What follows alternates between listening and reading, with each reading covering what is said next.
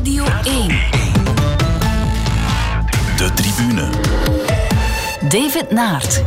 Goedenavond. Voor het eerst in de geschiedenis gaan de Belgische basketbalvrouwen naar de Olympische Spelen. Ze brachten het kwalificatietoernooi in Oostende tot een goed einde en dus moesten wij het echt niet ver gaan zoeken voor onze gasten vandaag. Goedenavond, Anne Wouters. Goedenavond. Blij dat je er bent. Dank u, ik Is ook. het uh, laat geworden gisteravond in Oostende? Goh, ik denk dat ik tegen... Mm, nee, eigenlijk niet zo. Elf uur denk ik dat ik de zaal daar verlaten heb. Ik ben dan nog mijn spullen gaan halen in het hotel en ik ben nog naar huis gereden. Ah, ja. Maar tegen dat ik echt sliep, was het een stuk later. Ik, kon echt nog niet slapen. En uh, hoe voelde het ontwaken vanochtend? Goh, toch wel nog onbesef. Zo van, ah, is dat nu echt gebeurd? Het toch nog een keer knijpen? Ja, ja, ja, we hebben echt wel het ticket binnengehaald. En um, ja, dan was het vandaag ja, heel druk met uh, wat interviews hier en daar. Uh, wat naar foto's gekeken, filmpjes van gisteren. Mensen die berichtjes sturen. Dus dan, dan komt het besef toch van, ja, ja, ja, het is echt. We hebben het echt gedaan. Ja. In elk geval blij dat je er bent hier uh, in de tribune. En goedenavond ook, Karel Bertelen. Dag, David. Ook een basketbalman, mm-hmm. een verslaggever. Je hebt uh, commentaar gegeven, drie wedstrijden lang ja. van dat uh, kwalificatietoernooi. Absoluut. Ik denk ook voor jou iets unieks. Ja, ik heb geschiedenis meegemaakt, hè, uiteraard. En heel blij om dat mee te maken. Ik moet eerlijk zeggen dat ik er altijd in geloofd heb. Zelfs voordien. ik zag ik niet in wat de reden zou kunnen zijn dat ik het niet naar Tokio ging. Het waren natuurlijk nog drie hindernissen te nemen. Maar kijk, uh, na Canada denk ik toch wel dat jullie uh, zich herpakt hebben. Japan was bij momenten wervelend, opnieuw. Ja, absoluut. En gisteren was het ja, do or die, dan weet je. De Zweden konden ook nog naar uh, Tokio gaan. En die ja, hebben hoor. er een kop voor gelegd. En het was weer niet makkelijk. Nee.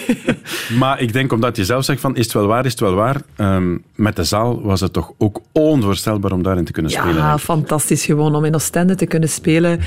Um, ja, dat gaf echt wel een extra boost voor ons. Ja, ja echt wel een thuispubliek. Um, we hebben heel veel enthousiaste supporters gezien. Ik denk dat we nog veel nieuwe uh, basketharten hebben kunnen veroveren. Dat is ook altijd belangrijk. En je voelde dat gewoon in die zaal vanaf als wij um, in defense iets goed deden. Een paar stops. Uh, of als we in aanval een keer scoorden, dan heel die zaal die ontplofte. En je voelde dat van, oké, okay, dat zit hier goed. Dat zit hier heel goed. En ook in de huiskamers, denk ik. Hè? Want 580.000 kijkers gisteren voor die wedstrijd tegen Zweden ja. op één. Dat is uniek voor een zaalsport. Wow. Ook een nog stukje eens, geschiedenis. Voilà, nog eens geschiedenis. Een beetje geluk gehad dat er uh, weinig concurrentie was. Hè. Maar dat mag ook wel eens Ja, meezitten. Ja. Straks gaan we nog veel meer over basketbal hebben, maar eerst de momenten van de week. En Anne, dit is jouw moment. De kracht is volledig terug. Van Aert wint in zijn thuisdorp. Van Aert de Krawatencross in Lille. Met datgene wat komt, straks omloop het nieuwsblad en alles daarachteraan, is dit een enorme deugddoener. Dat is, uh, het is niet de grootste overwinning, maar uh, wel eentje voor eigen volk waar ik uh, een hele week al mee in mijn hoofd zat. En om het dan ja, af te maken is vooral voor mezelf een heel mooie beloning. Dus ja, dat is toch wel emotioneel. Wout van Aert staat er weer helemaal. Waarom heb je hiervoor gekozen, Anne? Ja, ik heb um, Wout eigenlijk persoonlijk leren kennen omdat we samen revalideerden in uh, Move to Cure bij Lieven de Maaschalk. En ik kan me nog heel goed herinneren, de eerste keer dat ik hem zag binnenkomen na zijn zware val van deze zomer in de Tour. En hij mankte zo echt. En ik dacht, oh... Wout, allee, ja, je hebt ook nog een lange weg af te leggen. Allee, ik dacht dat, ik heb hem dat niet gezegd op dat moment. Um, en dan heb ik hem weken aan een stuk ook zien trainen, um, ja, waar ik zelf ook mijn oefeningen aan het doen was. En je zag ook echt wel dat hij supersnel echt vooruitgang boekte. Dat was echt indrukwekkend. Maar dan ja, tussen oefeningen doen, ik weet heel goed het verschil hè, in een zaal waar dat alles heel gecontroleerd is en dan toch weer naar buiten gaan. Hè. Voor hem dan op het veld, voor mij dan ook, maar dan op een basketbalveld, is ook nog een groot verschil. En ik denk voor hem, ja, hij zegt het zelf, het is misschien niet de grootste overwinning, maar ik denk dat dat eentje is die echt deugd heeft. En voor hem ook, um, na al dat harde werk, uh, weten dat je nog kan winnen, dat doet veel. Dat doet veel met, met, met iemand zijn moraal. Ook al heeft hij een hele sterke moraal, achter zo'n uh, blessure ook terugkomen, maar hij heeft um, heel zijn carrière eigenlijk al getoond wat voor uh, ja, echt een harde, harde mentaal dat hij heeft. En dat is toch wel een van zijn, zijn krachten. En ik denk dat hij dat nu weer getoond heeft. Dat hij er weer staat. En hij durft nu al terug weer wat ambitieuzer klinken naar het voorjaar toe. Dus ik ben heel benieuwd. Ja, want uh, hij zit echt voor op schema. Hè, het is onvoorstelbaar. Ze hadden een schema opgebouwd bij Jumbo uh, toen hij geblesseerd geraakte. En de bedoeling was om fit te zijn opnieuw tegen de Dauphiné. Dat is spreken we juni. juni hè? Ja. En nu zeggen ze allemaal, ja, we moeten toch twee maanden teruggaan, want hij gaat er staan in de aprilklassiekers. Ja, maar als je dat ziet, ook al, hoe dat hij zijn oefeningen doet, ook met Maar zie je dan daaraan dat hij ook meer kan afzien dan iemand anders? Hij heeft ook een bepaalde focus hoor, als hij zijn oefeningen bezig is. En ik denk dat hij gewoon ook ja, een supertalent Ja, ja. ook is. Hey, daar, daar kunnen we niet omheen. Eh, dat lijf heeft hij gekregen en eh, daar doet hij ook veel mee. Maar ehm, ja, ik denk dat gewoon dat, dat, dat hij alles gewoon heeft om, om echt die absolute topper te zijn. En zo zijn er gewoon niet veel. Hij heeft zijn lichaam natuurlijk, hè, dat hij heeft meegekregen, maar hij kan ook hard afzien en heeft die bepaalde focus en dan nog eens mentaal zo sterk zijn. Ja, dan heb je alle ingrediënten om echt een echte topper te zijn. Ja. Hebben jullie nu nog contact? Ja, hij is komen kijken naar Ja, ons. Op donderdag, hè? Ja, heb het gezien. voilà. Ja. Wist je dat? Ehm, Maar zijn Ja. vriendin heeft ook Ja. iets met basketbal, Voilà, dacht ik. zijn hè? vriendin ehm, heb ik dan ook leren kennen. Zijn En- vrouw Of ondertussen. vrouw, ja. Zijn vrouw, sorry. Ja, Karel, jij Eh, bent er meer in thuis. Voilà. maar eh, zij zei mij dat, eh, dat ze vroeger basket heeft gespeeld. En ik heb hen dan natuurlijk ook uitgenodigd. Zeg, met veel plezier als jullie ooit eens willen komen kijken. En voilà, donderdag paste het in, in zijn schema natuurlijk, in zijn druk schema. Eh, dat is heel plezant om, om ook ja, andere sporters eh, die komen kijken, die je komen aanmoedigen. Ja. Er waren een aantal, nog, nog veel andere. Kim Eh, Kleisters Kim heb ik gezien, Kim er. Gevaert. Voilà, Ja. eh, ik denk dat er nog andere waren hoor, eh, zonder hier namen Felix te vergeten. Naaier, ook hier, is er geweest. Ja. De cheetahs volgens mij ook. Ik, denk, ik denk dat er heel wat andere sporters waren. En dat is leuk om die steun te voelen. En dat is ook nodig, denk ik, voor ons hier in ons klein sportlandje, om elkaar echt wel die steun te tonen. En dat doet toch wel iets. Is het ook voor jou omgekeerd? Ben je een supporter van Van Aert als hij fietst? Ik ben nog niet uitgenodigd geweest, wie weet, bij deze. maar eh, dat, dat wordt altijd uitvoerig in beeld gebracht. Hè. Dus eh, natuurlijk... Nee, ik, en nu dat ik hem ja, iets persoonlijker ken, Mhm. laat ons zeggen, ja, kijk ik daar toch wel met een ander oog naar. Oké. We gaan eh, naar het moment van Karel en dat moeten we terugvinden in het voetbal. Christophe Dane, wat kan je nu zeggen, man? Niet veel. Ik sta bijna op één, denk ik. Eh, ik weet niet wat ik moet zeggen. Eh tweede helft hebben ze volledig gedomineerd. Ze staan hier te vieren alsof, alsof ze 0-4 winnen. Ik ben echt gefrustreerd. Als je ziet dat eh, de Anderlecht twee penalties niet krijgt en wij direct weer. Het is dan al zelfde penalty met competitie inbegrepen, dan ben je echt gefrustreerd, denk ik. Ik ben echt, echt boos, echt niet normaal Op wie ben je boos? de VAR en ik weet niet. Het is misschien penalty, hè, maar als Anderlecht dat tegenkomt, hè, het is precies altijd de grote ploegen die erin moeten blijven. Maar ja, frustratie alom, denk ik. Eh, tweede helft, eh, het was Kortrijk die de klok sloeg en, eh, en nu kunnen wij niet naar Brussel. Het is echt heel jammer. Geen finale in de beker voor KV Kortrijk en dat zat erg diep bij deze Christophe Mhm. Dane, Karel. Bij mij ook. Jij hebt een boontje hè, voor Kortrijk, Ja, dat ik mogen we ga zeggen. even voor dit moment mijn eh, pet van eh, neutrale, objectieve sportjournalist afzetten en die pet van Kortrijk Zaan even opzetten en supporter van KV Kortrijk ook. Want mocht dit gebeurd zijn toen ik 13 was, dan had ik ook geweend. En ik meen dat. En ik heb iets bij om dat te illustreren. Ik weet dat radio is. Maar kijk, hier zit deze LP uit 1976. KV Kortrijk, zie ik daar. Plus poster. Ja. En als je dat omdraait, staat de foto van de tribune nog zonder dak in 1976. En welke kleine jongen staat daar van boven met zijn vlagje te zwaaien? Karel Bertelen. Karel. Ja. Dus ik denk, ja, als ik dat hoor, en ik ben nog altijd supporter van Kortrijk. Gelukkig doe ik geen voetbal, want anders zou het misschien een beetje af en toe link zijn. Maar dit is dus waar ik altijd stond. Zondagnamiddag kwart over één vertrokken wij, ik met mijn neef. Bovenaan in de tribune, dan had ik tenminste overzicht en zo. Supporter in hart en nieren. Mooie momenten meegemaakt natuurlijk. En dat is nog altijd zo gebleven. Ik groet hier sommige collega's met Allee de VK. Dat is dus de Jel. Oh, En dat blijft erin zitten bij mij. Ik eh, kijk altijd eerst naar de uitslagen van Kortrijk en dergelijke meer. En dit is iets, ja, kijk, Kortrijk niet naar de finale. In 2012 hebben we het wel gehaald. Klein geheimpje daar rond. Ik heb toen op de site van De Heizel naar dat feest geweest vooraf, met kameraden en zo, een aantal collega's ook. Ik heb toen een sjaal ook gekocht, ter herinnering aan die finale. Die ligt in mijn auto, nog altijd. En ik heb die op de perstribune gedragen onder mijn jas. Het zou niet mogen natuurlijk. Maar we hebben verloren met 1-0, dus ik heb niet kunnen juichen. Dus ik hoop dat het ooit nog eens gebeurt dat Kortrijk de finale Ja, van de beker en hoe heb je dat nu beleefd, deze wedstrijd? Want Wel, het was een triestige dag, hè? eh, De Cats verliezen tegen. Canada. Ik moest dus luisteren op de radio terwijl ik verslag uitbracht. Ja, en van- hij klonk echt niet vrolijk. En Gert Geens die dan presenteerde, die jent mij dan ook af en toe een paar keer. Dus ja, goed, het was een, eh, een minder mooi moment. Maar goed, eh, alles komt goed. We gaan play-off 2 winnen en we gaan zo naar Europa. Heb jij iets met voetbal, Anne? Ehm, niet zo, om heel eerlijk te zijn. Maar ik ben wel ondertussen, eh woon ik in, In Groot Belgium? Kortrijk, Belgium. Ja. Dus eh, wel heel grappig om dit te horen, Karel. Voilà, ik leer bij. Oké. Tot zover het voetbal. Het zal het enige voetbalmoment zijn in deze uitzending. Dat kan ik je nu ook al zeggen. De tribune. En mijn gasten vandaag zijn sportza-collega Karel Bertelen en Belgian Cat, Ann Wouters. Knuffels van de kinderen, familie en vrienden voor de bronzen cats. Na het succes komt er wat vakantie en in de verre toekomst wachten misschien de Olympische Spelen van 2020 in Tokio. Zit dat in jouw hoofd? Ergens wel. Ik ga ook wel natuurlijk zien hoe dat mijn lichaam voelt. Eh, nu voel ik me super. Wie weet, eh, volgend jaar ook nog. Ik kan het eh, moeilijk voorspellen. Dat was Ann Wouters in 2017, nu Ann Wouters in 2020. Ja, Ann, hoe voelt dat lichaam nu? Dat sputtert toch hier en daar, toch? Maar het is wel werkelijkheid geworden, hè? Die Ja. verre droom van toen is nu een feit. Ongelooflijk, ja, inderdaad. Die drie jaar geleden stonden we daar hé, allemaal. Absoluut. Karel, je was er Ja, ja. ook bij. Eh, die bronzen medaille, ja, dat was gewoon euforisch. Eh, we waren daar als underdog. Tien jaar waren we niet aanwezig geweest op een EK. En daar ineens stonden de Belgian Cats. En daar kreeg ik inderdaad die vraag. En omdat het, ja, het, ineens top drie spelen in Europa eh, betekent toch iets. En ja, in de euforie zei ik van, ja, ja, ja, zit in mijn achterhoofd. Maar ik denk pas echt het jaar daarna, de zomer daarna, als we op het WK die vierde plaats namen, dan begon ik het wat serieuzer te nemen. En toen dacht ik, oké, dat was niet zomaar geluk in Praag, eh, die bronzen medaille. We hebben hier iets waar dan we echt wel op kunnen verder bouwen.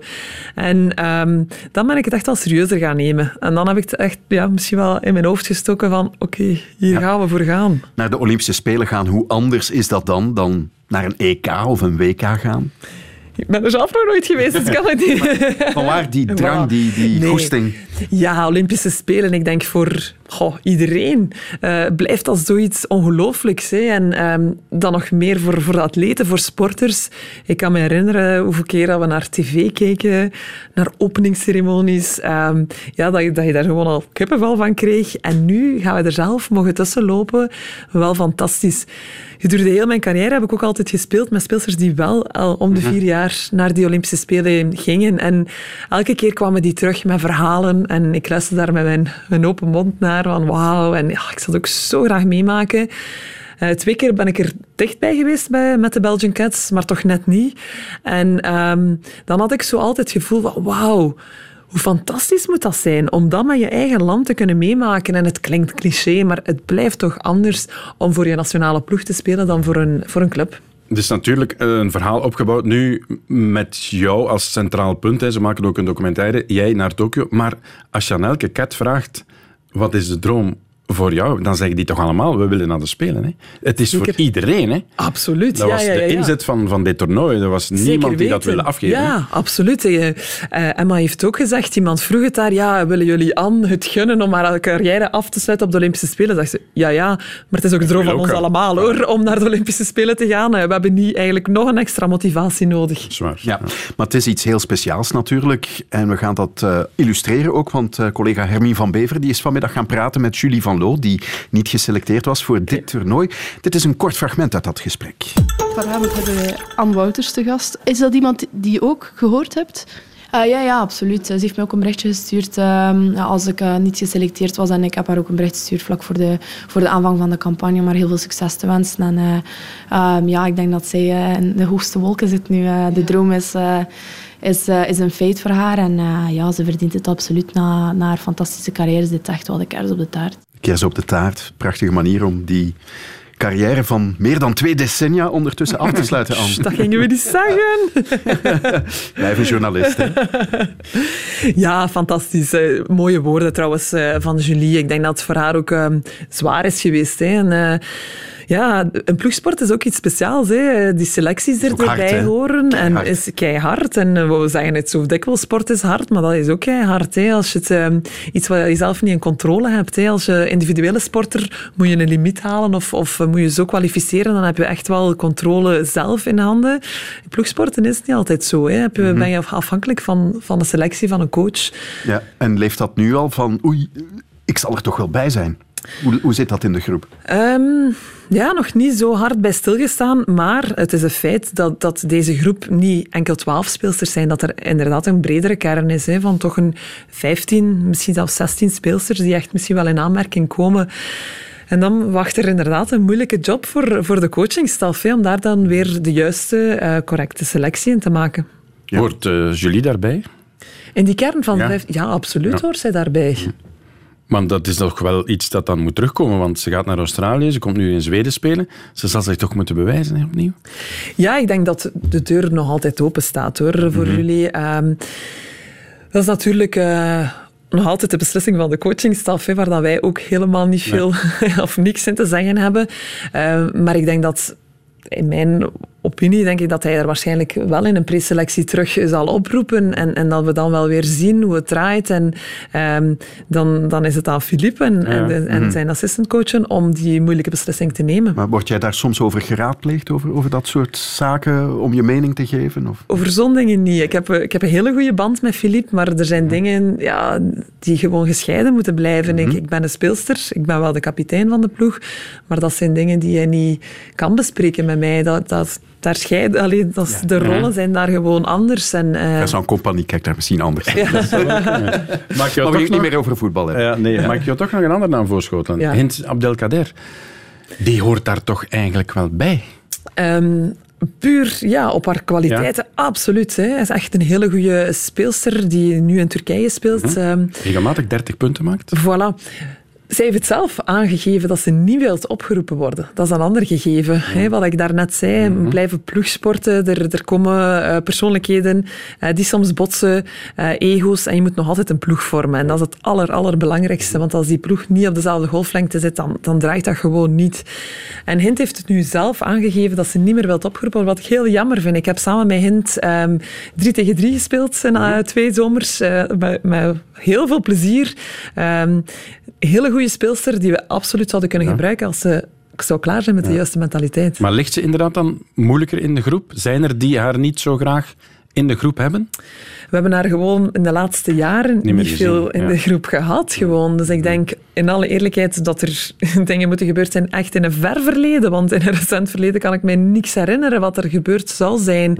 En dat is natuurlijk wel jammer, want ja, in, in België gaan we ook niet zeggen dat we een zwemvijver hebben waar nee, nee. we zoveel speelsters uit kunnen kiezen. Dus vandaar is dat wel jammer. Um, vooral omdat het meer over de attitude gaat en niet over, over spel. Ja, want met haar erbij is de groep sterker. Hè? Daar moeten we geen doekjes om vinden. Hè? Enkel en alleen als ze met de juiste mentaliteit zou komen, zou komen ja, ja, dan zou de groep absoluut sterker zijn. En heb je zoiets niet van in het bestuur ook of zo, of de leiding van, pak die erbij, verplicht die van inderdaad, als het om basket gaat, mee te doen. En wat die daarnaast doet, oké. Okay. Of zou dat niet rijmen met de groep, en ik zal maar één keer het woord zeggen, vriendinnen die jullie dan toch zijn? Ja, je moet, je moet niet alleen maar vriendinnen zijn. Hè. Je kan ook uh, anders... Mm -hmm. allee, ik heb in veel clubs gespeeld waar ik zeker niet met iedereen allemaal ja. vriendin was uh, om resultaten te halen. Maar bij Hint is het gewoon een, een heel apart verhaal geworden. En... Uh, niemand weet eigenlijk nog nee. de oorsprong daarvan. En dat, dat maakt het heel raar. En ook wel een beetje jammer natuurlijk. Ja. Maar ik denk dat er nu dingen zijn gebeurd, gezegd, die je moeilijk nu kan terugnemen. Okay. En vooral, we hebben nu iets opgebouwd in de laatste drie jaar, dat zo moeilijk is om daar nu even iemand bij te zetten die daar niks mee te maken heeft gehad uh, in de laatste drie jaar. En de, deze, sorry, deze twaalf willen natuurlijk zeggen, wij hebben de poort naar Tokio opengedaan, pak ons allemaal mee. Hè? Ook, en, en terecht. Hè. Ja, er zijn, uh, allee, we hebben een hele weg, hè. je was er elke keer bij Absoluut. op de grote momenten, ja. afgelegd, uh, van een EK naar deze kwalificatietoernooi. En um, natuurlijk vindt iedereen dat hij er recht op heeft, en vandaar ja. dat er ook moeilijke beslissingen zullen moeten gemaakt worden door de coachingstaf. Maar wat mag nu de ambitie zijn op die Olympische Spelen komende zomer, zullen we eerst eens luisteren naar de coach, Filip Mestag. Koen Umans die zegt, als je vierde geworden bent op een WK, dan moet je met ambitie naar de Spelen. Inderdaad, uh, we gaan daar proberen een goed figuur te slaan. Uh, sowieso gaan we ervan uit van onmiddellijk uh, ons te kwalificeren voor de kwartfinales. En eenmaal je in de kwartfinales zijt, dan is alles mogelijk. De loting zal weer heel belangrijk worden. Nu met de winst in Japan gaan we sowieso, en nu Zweden gaan we sowieso een, een, een correcte pot terechtkomen. Mm -hmm. Ik weet ook, ik, deze groep kennende, wij gaan daar zonder druk kunnen spelen. En dan komt deze groep uh, het best tot uiting uh, qua spelniveau. Al ben je het eens met de coach? Uh, ik vind dat hij direct gezonde ambities toont. en misschien was dat ook nog in de euforie na de wedstrijd gisteren. maar voor alle duidelijkheid, twaalf deelnemers. Ja, drie groepen van vier. ja. Dus als je bij de eerste twee bent, dan ga je sowieso naar de kwartfinale, Jan. Ja. Er zal ehm, zeker een zwakker land zitten. In onze groep. Ja, voilà. Uh, en wie zijn juist die zwakke landen dan? die achter ons staan, Puerto eh, Rico bijvoorbeeld. Ja, je moet inderdaad een klein beetje geluk weer hebben in de loting. Um, en je hoort onze coach, hij heeft... Uh, hij kan niet naar een toernooi gaan zonder ambitieus te zijn. En ik denk niemand van ons. Uh, we zijn daar eigenlijk nog niet zodanig mee bezig geweest. Maar als je dan begint te denken, ja, dan, dan denk ik dat een kwartfinale echt wel onze ambitie moet zijn. En dan zit je in een toernooi en dan weet je niet wat er op die ene wedstrijd gebeurt. En weer in die underdog-rol, voilà. waar jullie zo graag in kruipen. Een neutraal terrein en dergelijke mee. Voilà, daar kruipen we inderdaad toch nog altijd graag in. En het is niet dat we willen weggaan van, van die druk of, of van um, een andere rol dat we gekregen hebben of zelfs andere landen die ons nu iets meer respecteren. Uh, maar het blijft toch een beetje eigen aan ons. En je hebt het weer gezien, de laatste drie wedstrijden. Als het echt druk is, ja, dan, dan zie je soms ons wel nog een beetje twijfelen. En ja, dat kan dat dan wel gaat beteren met, mhm. met ervaring en zo. Uh, maar als ons die underdog-rol, mm die hebben we toch nog altijd liefst. En als je die rol hebt, wat is dan echt de, de kracht, de sterkte van het team zoals het nu is? Dat we bevrijd kunnen spelen dat we echt ons spel kunnen uh, ontwikkelen. En ik denk, ja, natuurlijk andere ploegen scouten ons ook goed nu. Hè. En, en weten, ook, weten dat als je ons vrij laat spelen, ja, dan zijn we moeilijk te stoppen als we in beweging kunnen zijn. Als de bal beweegt, als wij bewegen, uh, dan is het moeilijk hoor, om ons te stoppen, want dan komt ineens het gevaar van overal. Als je ons kan beperken tot de halfcourt uh, um, offense, dan hebben we het iets moeilijker. Als het iets fysischer wordt, dan wordt het ook moeilijker. Dus die andere ploegen weten dat natuurlijk ook. En die gaan natuurlijk zo proberen te verdedigen hmm. tegen ons. Belgian Cats hebben een hele evolutie doorgemaakt. Wat, wat is nu eigenlijk het kantelpunt geweest dat dat plots begon te lopen? Ja, kantelmoment. Ik denk dat het opbouwend echt wel geweest is. En naar een hoogtepunt nu, hè, naar het historische punt, dat, dat we ons echt als... Um... Een stabiel kader? Ja, dat denk ik ook wel. Ik denk dat er... Um... Ehm, 2015 stond het op punt, hè? Voilà. Ik denk in 2015 zijn ze echt wel begonnen uh, met een droom. Mm -hmm. en en uh, voor ogen echt wel een plan. En dat was ook wel nodig. Um, van dan uit hebben ze gezegd, oké, okay, we moeten gewoon op alle grote toernooien aanwezig zijn. En het is makkelijk gezegd natuurlijk. Mm -hmm. Maar sindsdien zijn ze begonnen, ja, die kwalificatieronde, oké, okay, dat is gelukt. Voor de eerste keer 2017 terug na zoveel jaar afwezigheid op dat EK. En daar ja, het is toch wel fantastisch dat we daar direct die bronzen medaille halen. Want dan is alles wel een beetje in stroomversnelling gekomen. Daardoor konden we naar een WK gaan. En zo is er eigenlijk altijd maar een continuïteit geweest. En is er nooit nog een zomer geweest waar geen activiteiten waren voor mhm. de Cats. En dat dat wel belangrijk was. En dan, ja, heel de omkadering, uh, stap voor stap, ja, kregen we dan ook uh, soms iets meer subsidie hier en daar. Dus uh, konden we hier en daar nog een beetje meer professioneler worden. Ja, vetpotten en... zullen het nooit worden. nee, dat niet, maar ik denk dat ze ook heel bewust de keuze hebben genomen um, om ten eerste de speelsters bijna niet te vergoeden, maar dan de middelen die ze kregen um, te steken in de omkadering. Ja. Ja. Maar voor 15 hebben ze jou ook gevraagd. Jij zei een aantal jaren nee. Dan komt Philippe Mestag, die vraagt je en zegt ja. Was dat dan aan Philippe of lag dat ook aan het kader dat er was? Dat jij ook zag, hier is structuur, hier is over nagedacht, hier is beleid. Ik hoor zelfs tot 32 al plannen. Dus dan zijn ze er wel mee bezig. Dat hielp jou misschien ook om die stap te zetten? Ja, ik denk uh, op dat moment waren ook, uh, was het eh, formaat eigenlijk helemaal veranderd. Om de kwalificaties um, voor een EK werd nu ineens gespeeld uh, tijdens een seizoen. Ja. En, zoals voetbal eigenlijk. Mm -hmm. in, die, in die kleine korte windows. Ja. En ja, dat kwam mij natuurlijk ook veel beter uit. Ik was mama en ik had toen eigenlijk ergens een beslissing genomen van ach, mijn zomers. Ik ben dan nog paar keer naar Amerika mhm. geweest, maar dan daarna dacht ik van oké, ik blijf hier lekker gezellig thuis. Ik neem even een paar maanden voor mij um, die ik samen met mijn kindjes kan, kan doorbrengen. En dan ineens was dat formaat veranderd. En dan dacht ik, ja, ik speelde toen net in uh, België voor Castos Breinen, ja. waar Philippe de coach was. Mhm. En hij zei, wil je niet meedoen voor die kwalificatiewedstrijden? En dan dacht ik, ja, het is hier toch in België eigenlijk, ja, waarom niet? En dan begon hij ook wel een beetje te vertellen van heel het verhaal. Ik kende natuurlijk ook Emma, Kim, uh, komen de talenten. Julia Alman, met wie ik speelde in Kastersbreinen. En dan dacht ik, ja, dat kan eigenlijk nog wel tof zijn. Uh, die jonge gastjes, die, die gaan me jong houden en ik kan een beetje ervaring brengen. Maar zag je potentieel in die ploeg? Ik zag wel potentieel, want uh, ik kan me nog herinneren dat we toen in Namen speelden, in een kleiner zaaltje, toch wel, voilà, toch wel heel wat veranderd op korte tijd. Ja. En ehm, toen hebben we echt een aantal een, een wedstrijd gespeeld. Ik dacht tegen Polen of Wit-Rusland. Een van de beide, ik weet het niet meer heel juist. En dan had ik iets van, wauw, hier zit iets in. Echt waar, we hadden daar een super wedstrijd gespeeld met heel veel enthousiasme ook. En dat was de eerste keer dat ik dacht, oh, hier zit wel iets in. En ik kan me nog herinneren dat ik dan aan uh, één interview zei, kijk, op EK's is er altijd wel een verrassing. Waarom kunnen wij dat eens niet zijn? En um, ja, het is eigenlijk ook ja, gebeurd hè, in, uh, in het TK. Maar mijn bedoeling was niet om zo ver te kijken. maar het is dan allemaal ja, blijven goed gaan. En dan ja, vanaf dat WK had ik iets van, oké, okay, mm. die ja. Olympische droom die kan misschien wel werkelijkheid ja. worden. En nu over jezelf binnen de nationale ploeg. Hoe, hoe zie jij je rol nu in dat team? Want fysiek ligt het allemaal niet voor de hand. Hè?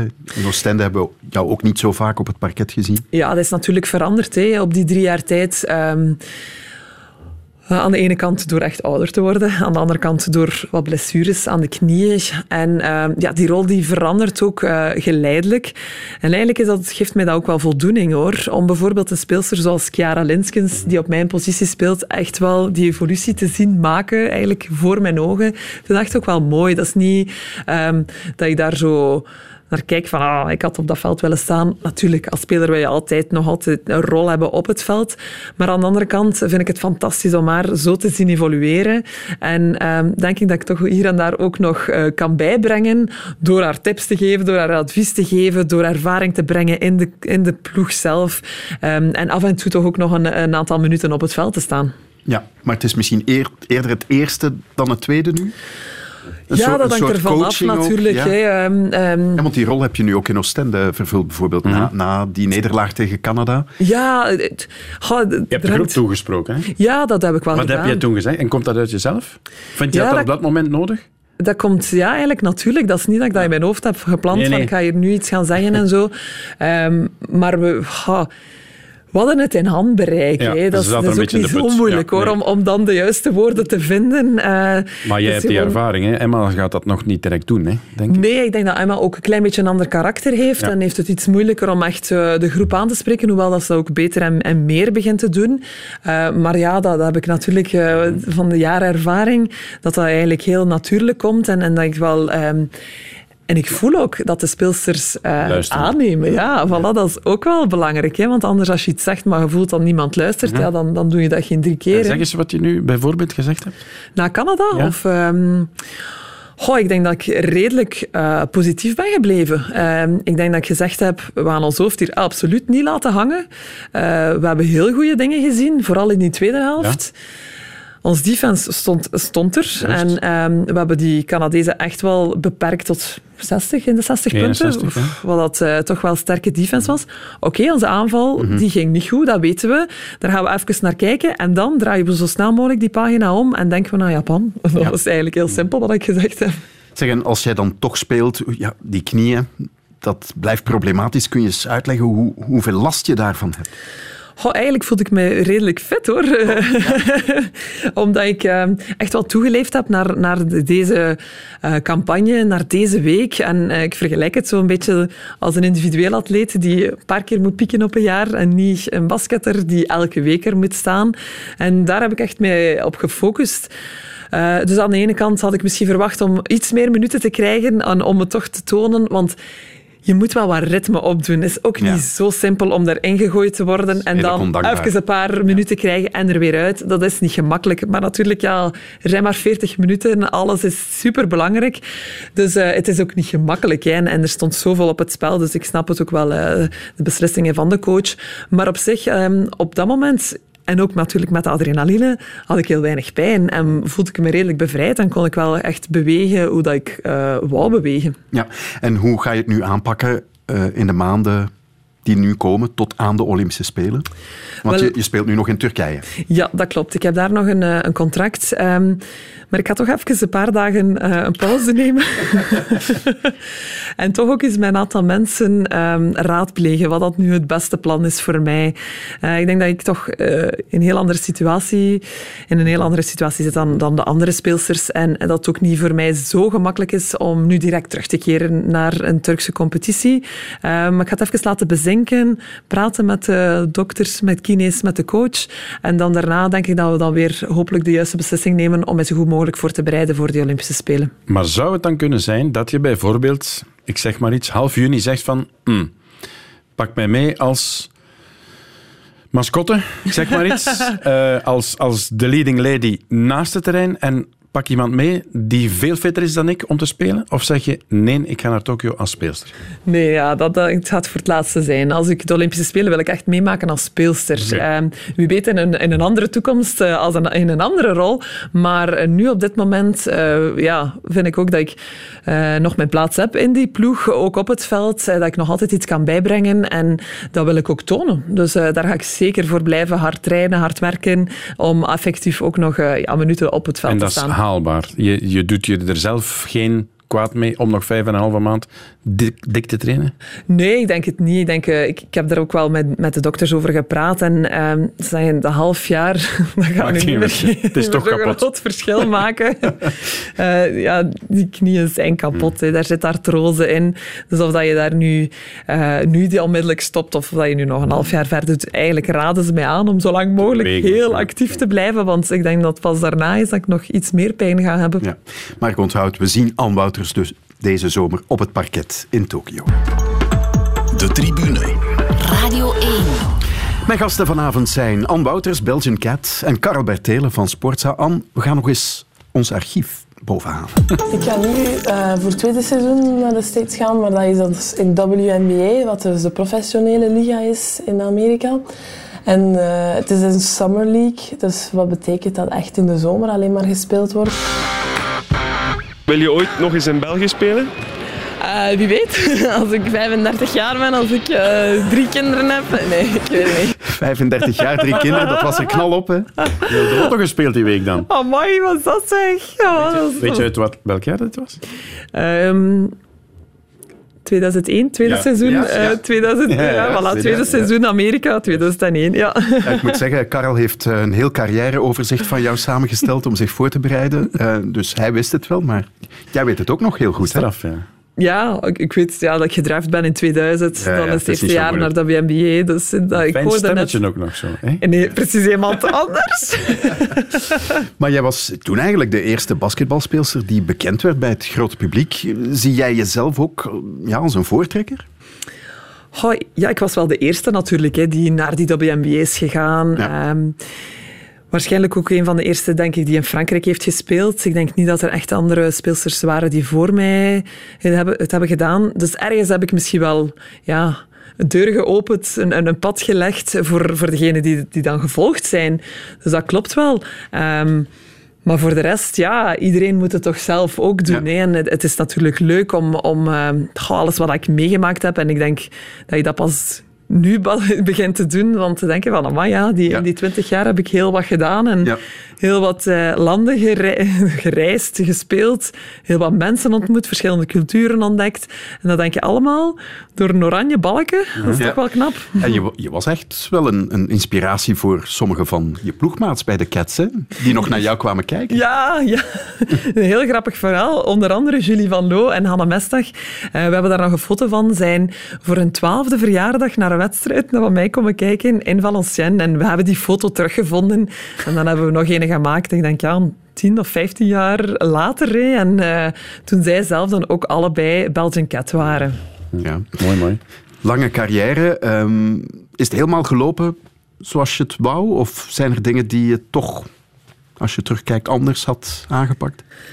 Oh, ik denk dat ik ook iemand ben, eens dat ik een beslissing neem, dan ga ik er gewoon voor. Um, en vind zo'n een ambetant gevoel, hè, zo uh, regrets. Dus ik probeer zo weinig mogelijk dat te hebben. En er zijn natuurlijk altijd dingen die anders hadden gekund, maar ik denk dat ik heel blij ben. En ik denk dat ik de kansen die ik gekregen heb, altijd heb gegrepen. En ik ben er altijd volledig voor gegaan. Ik denk dat ik een van de dingen waar ik het meest fier op ben, is dat ik altijd in, in ploegen heb kunnen spelen die voor de titel speelden. En dat vond ik altijd het leukste. Uh, dat waren altijd de momenten waarvoor ik leefde, waarvoor ik trainde. En... Uh, ik heb er heel wat kunnen winnen, ik heb er ook heel wat verloren. En dat zijn eigenlijk wel de, ja, de levenslessen natuurlijk die je trekt uit de sport. Het gaat niet alleen maar over dat winnen en verliezen, maar wat leer je daar nu eigenlijk uit? En uh, dat zijn toch wel de mooie dingen die je meeneemt ook uh, ja, naar, naar je andere leven. Hè? Ja, als je vijf keer speelster, Europese speelster van het jaar bent, vind je, want het is een heikel punt, ik weet het, is er genoeg ja, waardering geweest van de sportjournalisten om dat op prijs te stellen wat je allemaal deed? Of heb jij een beetje het gevoel We zagen het misschien ook te weinig. Ik ben een beetje te ver weg. Ja. En ja, het is niet... Het is weer hetzelfde verhaal, een beetje zoals Emma. Hè. Ja. Ze, ze, pff, schitterend. Ik denk dat Emma in clubverband geen beter seizoen had kunnen hebben met die WME-titel, met nog eens MVP te worden. En toch is ze geen sportvrouw van het jaar geworden. Het scheelde wel niet veel, hoor. Het scheelde inderdaad niet veel. Maar het, ja, in België, denk ik, worden we nog altijd aan zien... Um, een beetje afgerekend op de resultaten wat je doet met je Belgische ploeg, met, met, je Belgische nationale ploeg. En uh, ja, in mijn verleden was het altijd net niets. Hè. Uh, ja. was er nog iets minder professionele omkadering. We hadden ook een aantal andere goede speelsters, hoor. Daar, daar zeker niet van. We hadden ook uh, het goed kunnen doen. Maar ik denk dat er nu ook veel meer kanalen zijn om alles in beeld te brengen. En ik heb het daarnet ook nog gezegd hoe is dat veranderd? Hoeveel mooie foto's krijg ik nu? Hoeveel mooie beelden zien we van, van de sport? En als we dat kijken naar twintig jaar geleden... Ja, je hoort mij hier als stemmetje van ja. 20 jaar geleden, maar er waren geen mooie beelden. En er is niemand naar jou gekomen toen je een finale ergens speelde in het buitenland. En nee. nu stonden ze daar voor Emma, hè? Dat ook. Zo ja. evolueert het ook. Hè? Ja, dat evolueert echt. En er zijn heel wat, ook de social media natuurlijk, heel veel verschillende kanalen waar, waarop dat we heel veel me meer visibiliteit kunnen ja. krijgen voor de sport, voor vrouwensport. We moeten nog altijd ervoor vechten. Mm -hmm. Maar uh, het, het betert wel beetje bij beetje. En ik denk, twintig jaar geleden was dat ook gewoon niet. Hè. Dus dat, ja. dat heeft er ook natuurlijk mee te maken. Jouw carrière als speelster, ja, die eindigt toch, mag ik Denk in, in augustus 2020? Of, ja, uh, zeker. zeker. Uh, maar wat ga je daarna doen? Weet je dat al? Oh, dat is een hele goede vraag. De vraag van... ik ben er natuurlijk al een aantal jaar, zou ik zelfs zeggen, mee bezig van... Wat interesseert mij nu ook nog, hè? buiten basketbalspeelster te zijn. En um, er zijn een aantal dingen die ik hier en daar al heb kunnen uittesten. En dat ik denk van, hmm, dat ik in het begin denk van ja, oké, en dan toch weer niet. En er is een deel van mij dat denkt, ja, waarom niet in die coaching te gaan? Ik denk dat ik heel graag die ervaring, wat ik nu een klein beetje al aan het doen ben bij die cats, nog verder kan delen. Aan de andere kant denk ik dan van, oh nee, weer datzelfde leven, uh, weer dat vele reizen, weer dit. Misschien is het tijd voor echt iets, iets anders te proberen. Dan denk ik, waarom niet in een beleidsfunctie. Misschien echt nadenken hoe kunnen we sport toch nog iets mm -hmm. meer hervormen. Ook hier in België kan het ook nog beter. Naar de vrouwensporten toe, ook in het algemeen. Um, er zijn zoveel dingen die mogelijk zouden zijn, maar ik kan er nog niet echt iets op prikken van oeh, dat ja. is het echt ja. wat ik wil doen. En, en moet je nog werken? Maar nee. nee, David. Echt? Maar nee. Ik heb drie kinderen rondlopen. Weet je ja. wel wat dat kost? dat is duidelijk. En uh, ja, ik mag je met alle respect een sportster op uh, leeftijd noemen, maar je bent niet de enige. Kim Kleisters keert binnen acht dagen al terug in competitie op het toernooi in Dubai. Dat is vroeger dan eerst gepland. Ze heeft de beslissing via Instagram bekendgemaakt. Ja, het komt eraan nu, Dubai, uh, volgende week. Ja, hoe kijk je daarnaar? Kim Kleisters die op haar 36e toch weer eraan begint. Fantastisch. Ik vind dat ongelooflijk dat zij dat ook doet. Um, terugkeren ja, naar haar passie gewoon. En niets moet ook voor haar. Ik denk dat ze ook keihard getraind heeft um, de voorbije weken, maanden. Als, als je terugkomt, dat je toch een beetje succes wil hebben. Natuurlijk wil ze dat, absoluut. Maar ze heeft al haar carrière. Dus ik denk dat er dat ook ergens rust geeft. Van oké, okay, ze heeft al de Grand Slam gewonnen die, die ze nodig had. En um, we, we, kennen haar allemaal. Maar natuurlijk wil ze voor haar eigen terug weer... Uh, toch zeker op een, op een goed niveau spelen. Ik weet niet of dat haar gaat lukken om terug op dat oude niveau te gaan. Ik denk dat het fantastisch is wat ze wil proberen. En ze zet er echt wel in een heel kwetsbare situatie. Hè? Want uh, ja. iedereen zal weer klaar zijn om, uh, als het niet zo goed gaat, om vanaf uh, kritieken te geven, commentaren van oh, waarom doet ze dat? Maar ik vind het gewoon mooi. Het is gewoon prachtig dat ze dat wil doen. Ik denk dat het ook een van haar kinderen is die haar echt -huh. heeft gemotiveerd om het te doen. Dus waarom niet? Ik wens haar alle succes toe. En ik ben zeker dat ze een deftig niveau gaat halen. De tribune. We willen in deze aflevering van de tribune ook even stilstaan bij de glansprestatie van judoka Matthias Kasse. Kasse won gisteren het vermaarde toernooi van Parijs in de klasse tot 81 kilogram. En ik heb hem net voor het begin van deze uitzending gebeld. Dag Matthias. Goedenavond. Ja, vertel eens, uh, gisteren dat toernooi van Parijs gewonnen. Dat is een toernooi met een grote bezetting. Hè? Ik zag 69 deelnemers in jouw categorie. Je moest, denk ik, zes keer op de mat. Dat is uh, best wel stevig. Uh, hoe voel je je vandaag? Ik heb overal wel wat zeer. Zes kampen is ook niet niks. en nou, dat is normaal als je na zo'n dag redelijk kapot bent. Ja, maar ik heb je in het verleden ook al wel aan het werk gezien. Uh, het is niet de eerste keer hè, dat je zo'n fysiek slopende dag eigenlijk uh, goed doorkomt. Ik denk op het EK vorig jaar dat dat ook zo was. Uh, ja, op alle grote toernooien zijn er natuurlijk veel deelnemers. en dan kan het wel zijn dat je zes, zeven kampen moet doen. Ehm, maar ik ben nog jong, ik recupereer nog redelijk snel tussendoor de kampen en nadien. Dus voor mijn lichaam is het nog, uh, nog doenbaar. Ja, ja ik las uh, op sportsa.be vandaag ook een artikel van Dirk van Tichelt die het over jou had. En die zelf zegt ook dat hij staat te kijken van, van de progressie die jij op zo'n jonge leeftijd maakt. Hoe, hoe zie jij dat zelf? Ik verbaas mezelf soms. Uh, de, de toernooien gaan heel goed. vorig jaar was een, een topjaar. Had ik zelf in begin 2019 nooit kunnen, kunnen dromen. Uh, ik heb mijn 2020 uh, zo begonnen zoals ik 2019 ben geëindigd. Uh, ik mijn gouden medaille, dus dat was superleuk. En een goed vooruitzicht voor de Spelen in Tokio. Ja, en dat toernooi van Parijs, dat was vroeger altijd een referentie in het judo. Dat is nu ook nog altijd zo, denk ik, hè? Ja, Parijs heeft al een, een, een lange geschiedenis. Het is altijd een van de grootste toernooien van het jaar. Uh, anders ook, dus de zaal zit stampvol, er zitten 14.000 man binnen een ongelooflijke sfeer. En mede daardoor heeft dat zo'n uh, grote naam gekregen. Ik heb uh, de tabel nog eens doorgenomen uh, die je gisteren hebt afgelegd. je hebt heel wat judoka's uit diverse landen geklopt. Wat ik mij afvraag is, zijn er eigenlijk judoka's of judoka's uit bepaalde landen die jou niet liggen of minder goed liggen? Nou, er zijn wel bepaalde judostijlen die me minder liggen. Sommige judostijlen zijn ook gelinkt aan landen. Maar ik heb, meer, oh, ik heb het lastiger met bijvoorbeeld grote tegenstanders die, die lange armen hebben, dat vind ik iets lastiger. Maar voor de rest heb ik, uh, denk ik wel dat ik voor iedereen een, een oplossing heb. Ja. ja, en je zegt sommige stijlen liggen mij iets minder. Kun je daar een voorbeeld op plakken? Nee, bijvoorbeeld de, de. Dus niet eens dat ik er dat ik veel last van heb. Maar die, die, die knuffelen heel graag, die komen dichtbij. Om dan uh, bijna, uh, technieken die van het worstelen komen te gooien. Dat, dat, dat moet je altijd wel voor oppassen. En ondertussen weet ik al wie dat wat doet. En uh, de Georgische dat. Je, op de trainingsfase traint je er regelmatig mee. Dus je weet hoe dat je erop moet reageren. Um, maar als je dat niet weet, dan uh, kun je wel eens goed verschieten. Ja, ondertussen mogen we jou toch al een uh, veelwinnaar noemen. Je bent Europees kampioen, vice-wereldkampioen. Weet je eigenlijk wanneer de laatste keer was dat je niet op het podium stond in een toernooi of een kampioenschap? de, de Grand Slam van Rusland, denk ik. Ja, begin vorig jaar. Ja. Ja, uh, daar werd ik vijfde. Verloor ik eerst van Moek in de halve finale. En voor brons van de Canadees Bryant. Ja. Dat weet ik nog. Ja, uh, inderdaad. maar ondertussen is dat de uitzondering geworden, hè? want de regel is dat jij altijd op het podium staat. Uh, ja, het is al, al, al, heel veel toernooien dat mij dat ik uh, op het podium sta. En dat bewijst hoe constant dat ik kan presteren. dat ik nou, toch bijna van iedereen kan winnen. Dus wel, dat is, dat is heel leuk om zo de speling te gaan, denk ik. Ja, je bent nu ook uh, eerste op de wereldranglijst in je categorie.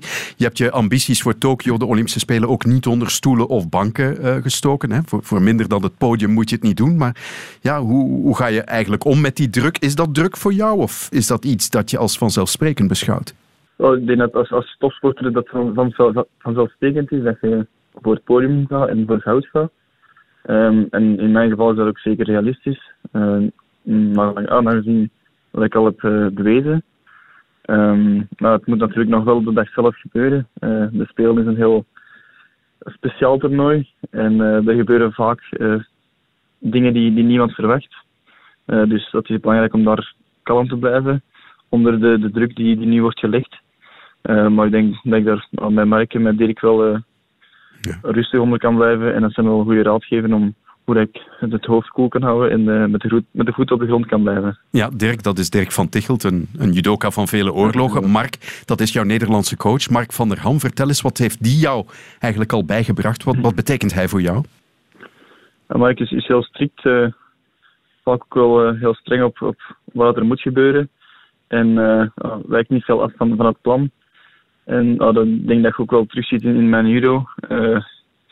Dus we spreken voor elke kamp een tactisch plan af en, en dat moet ik volgen. En vanaf ik daar ook maar iets van durf afwijken, dan, uh, dan zal ik het wel horen langs de zijkant. Uh, Mark die, die, die roept of die aangeeft dat, uh, dat het anders moet. Of, of, hij is heel strikt en dat, het is wel belangrijk dat er structuur zit in, in het judo. Want als je zomaar links en rechts nemen, vastnemen, dan gaat het snel op de grond liggen. Ja, dat was Matthias Kasse eerder op de avond. Het is een kerel die weet waarmee hij bezig is. Hè? Ik verlang om hem bezig te zien. Ja. Op de Olympische Spelen. Want ook dat judo, ja, vroeger volgden we dat allemaal Ja, op de ja, voet ja, met ja. eh, Robert van der Wallen, Inge Bergmans, dan Oela Gella en, Oela, ja. en nog een reeks anderen. Mhm. En nu, dat is ook weg, hè? Je ziet het ook niet meer. Ja, heel minder. ja, veel minder. Ik vind het wel een sport die moeilijk in beeld wordt gebracht. Omdat er het, is ook grote een- publiek het is moeilijk te begrijpen. Het is moeilijk te begrijpen vooral. Dan in één seconde is er iets gebeurd en dan denk je, oh, wat is er gebeurd? Het is gedaan. Oké. Ja. Maar het is wel ook bij uitstek een van de Olympische sporten, hè? naast vrouwenbasketbal vanaf nu. maar eh, volg jij ook de andere Olympiërs, zo de medaillekandidaten aan? Eh, Ja, natuurlijk. Als eh, trotse Belg ben je daar toch een klein beetje mee bezig. En ehm, ja, de afgelopen jaren, of de afgelopen Olympische Spelen met, met Nafi. ik denk dat we nu Nina ook hebben. De hockeyers. dat is wel, zijn wel echt wel dingen naar, naar waar ik uitkijk. En, en zeker turnen, atletiek, zwemmen en met Pieter Timmers. Dat zijn zo wat de, de traditionele sporten van de Olympische Spelen. Dus ik zou heel graag ja, er toch wel ook eens naar kunnen gaan kijken, kunnen gaan supporteren. ja, dat hangt er wel vanaf hoe goed jullie het doen. Hè? Ook waar. Hoe beter Ja. jullie het doen, hoe minder tijd je zult hebben. Ja. Maar dat, eh, Dat is waar, maar basket is een langere competitie. Hè, dus ik denk dat we daartussen Het is wat ook wel... gespreid, zeker? Ja. Ja, ik denk het wel. met een rustdag hier en daar. Ja, ja. Daar zeker en vaste rust, dat heb ik eh, snel al eens bekeken. Ja, de Olympische planner in mei moet het ook nog allemaal gaan bekijken. Want we gaan dat uiteraard wel op de voet volgen hier eh, in Sportza op Radio 1 komende zomer. We zitten bijna aan het eind van de tribune op deze maandag, wat is het, 10, 10, februari.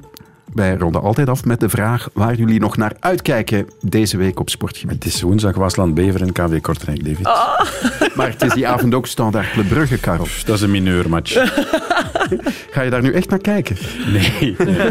maar wel naar de uitslag eerst. Oké. En Anne, wat eh, staat er bij jou op de agenda? Ehm, wel, de volleybalbekerfinale. Dat is altijd toch wel een heel groot feest in het Sportpaleis. Ja, dat wordt volle bak. fantastisch goed georganiseerd. En dat is ook iets wat ze in basket ook zouden moeten doen op dezelfde dag, mannen en vrouwen. Ze hebben dat ooit al gedaan en zijn ervan teruggestapt. Dus heel goed idee, Karel. Dit was de tribune. Bedankt om te luisteren en een heel fijne avond nog.